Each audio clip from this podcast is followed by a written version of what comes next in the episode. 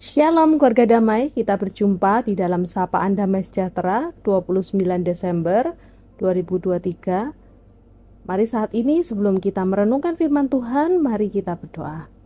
Tuhan Allah Bapa kami, saat ini Tuhan kami memasuki akhir tahun 2023 ya Tuhan. Kami rindu di dalam kehidupan kami, sungguh kami terus boleh dituntun di dalam hikmat Tuhan Biarlah firman-Mu yang boleh terus-menerus mengarahkan kehidupan kami Tuhan hingga pada akhirnya nanti. Dan kami rindu hidup kami sungguh sesuai dengan kehendak-Mu. Saat ini kami membuka hati kami Tuhan untuk dipenuhi dengan firman-Mu. Di dalam nama Tuhan Yesus kami berdoa. Amin. Bacaan kita pada hari ini diambil dari 1 Korintus 2 ayat yang kelima. Saya akan membacakannya buat kita sekalian. Supaya iman kamu jangan bergantung pada hikmat manusia, tetapi pada kekuatan Allah. Keluarga damai, saat ini kita sudah memasuki beberapa hari sebelum hari terakhir di tahun 2023. Mari saat ini kita merenungkan kehidupan kita di tahun 2023? Apakah kehidupan kita sungguh-sungguh sudah menjadi orang-orang yang mengandalkan Tuhan? Bukan hanya mengandalkan pemikiran diri kita sendiri. Apakah sungguh-sungguh di tahun 2023 hal-hal yang kita lalui, setiap momen yang ada Sungguhkah kita sudah menyertakan Tuhan di dalam setiap agenda kehidupan kita sehari-hari?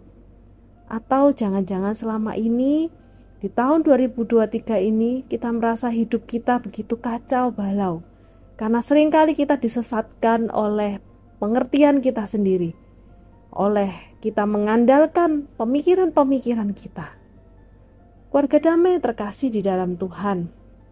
Di dalam bacaan kita hari ini 1 Korintus 2 ayat yang kelima mengingatkan kita supaya iman kita jadi arti percaya kita pada Tuhan tuntunan hidup kita pada Tuhan.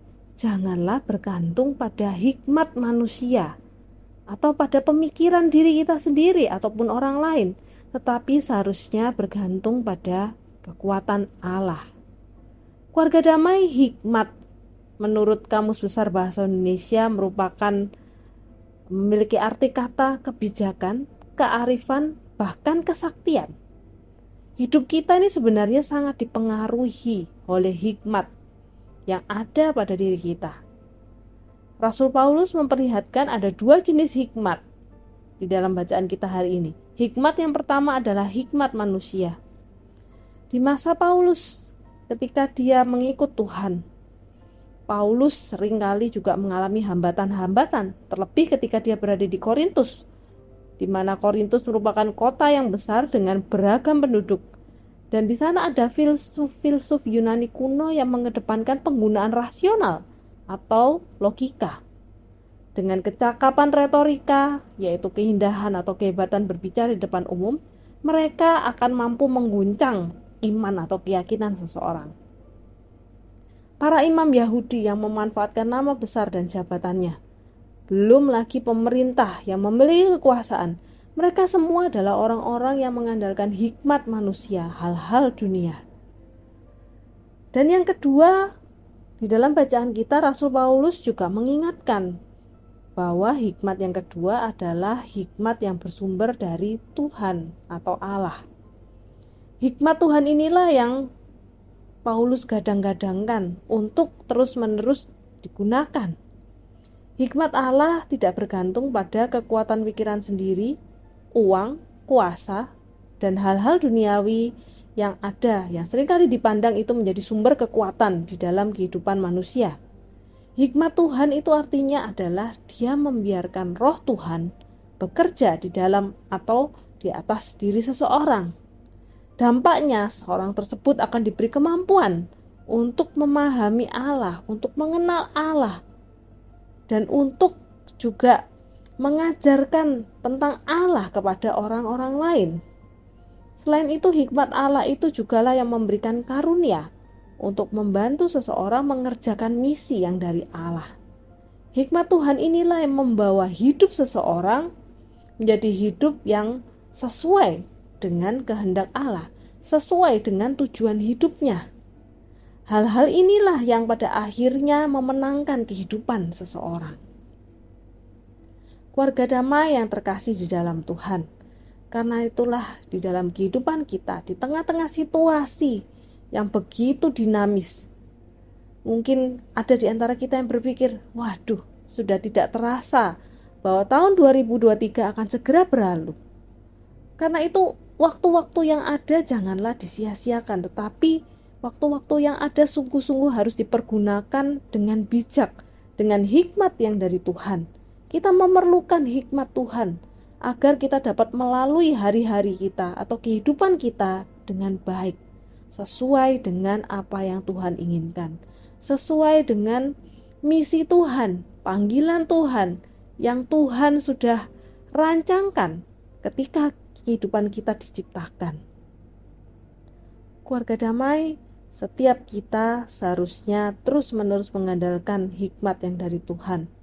Karena hikmat kita sebagai manusia, kita memiliki batasan dan bersifat sementara saja. Sedangkan hikmat Tuhan yang berkuasa terhadap apa pun dan hikmat itulah yang juga yang bersifat kekal. Marilah di dalam tahun-tahun ke depan kita boleh terus mengingat bahwa sehari-hari sejatinya kita seharusnya menjadi anak Tuhan yang hidup sepenuhnya mengandalkan hikmat yang dari Allah. Marilah kita membiarkan roh Tuhan yang boleh terus-menerus menuntun di dalam kehidupan kita sehari-hari dan biarlah roh Tuhan itu sungguh boleh terus-menerus berbicara di dalam setiap agenda kehidupan kita. Mari di dalam hari-hari kita, kita boleh terus-menerus menyertakan Tuhan. Kita memulai mengawali hari kita, kita terus mengingat Tuhan. Dan biarlah hidup kita sungguh boleh terus-menerus membangun relasi yang semakin intim dengannya. Amin. Mari kita masuk di dalam doa.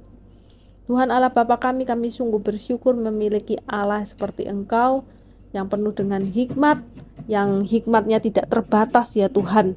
Biarlah pada hari ini Tuhan kami boleh terus mengingat bahwa hidup kami sejatinya sungguh-sungguh seharusnya mengandalkan hikmat Tuhan, bukan berdasarkan hikmat kami sendiri ataupun juga kepandaian ataupun kekuasaan yang ada di dunia ini tetapi biarlah hikmat Tuhan sungguh boleh menjadi sumber kehidupan kami. Tuhan, biarlah hidup kami sungguh boleh terus mengingat akan hal ini dan biarlah hari-hari ke depan kami sungguh boleh disertai dan dituntun oleh Tuhan saja. Terpujilah namamu Tuhan, di dalam nama Tuhan Yesus kami berdoa. Amin.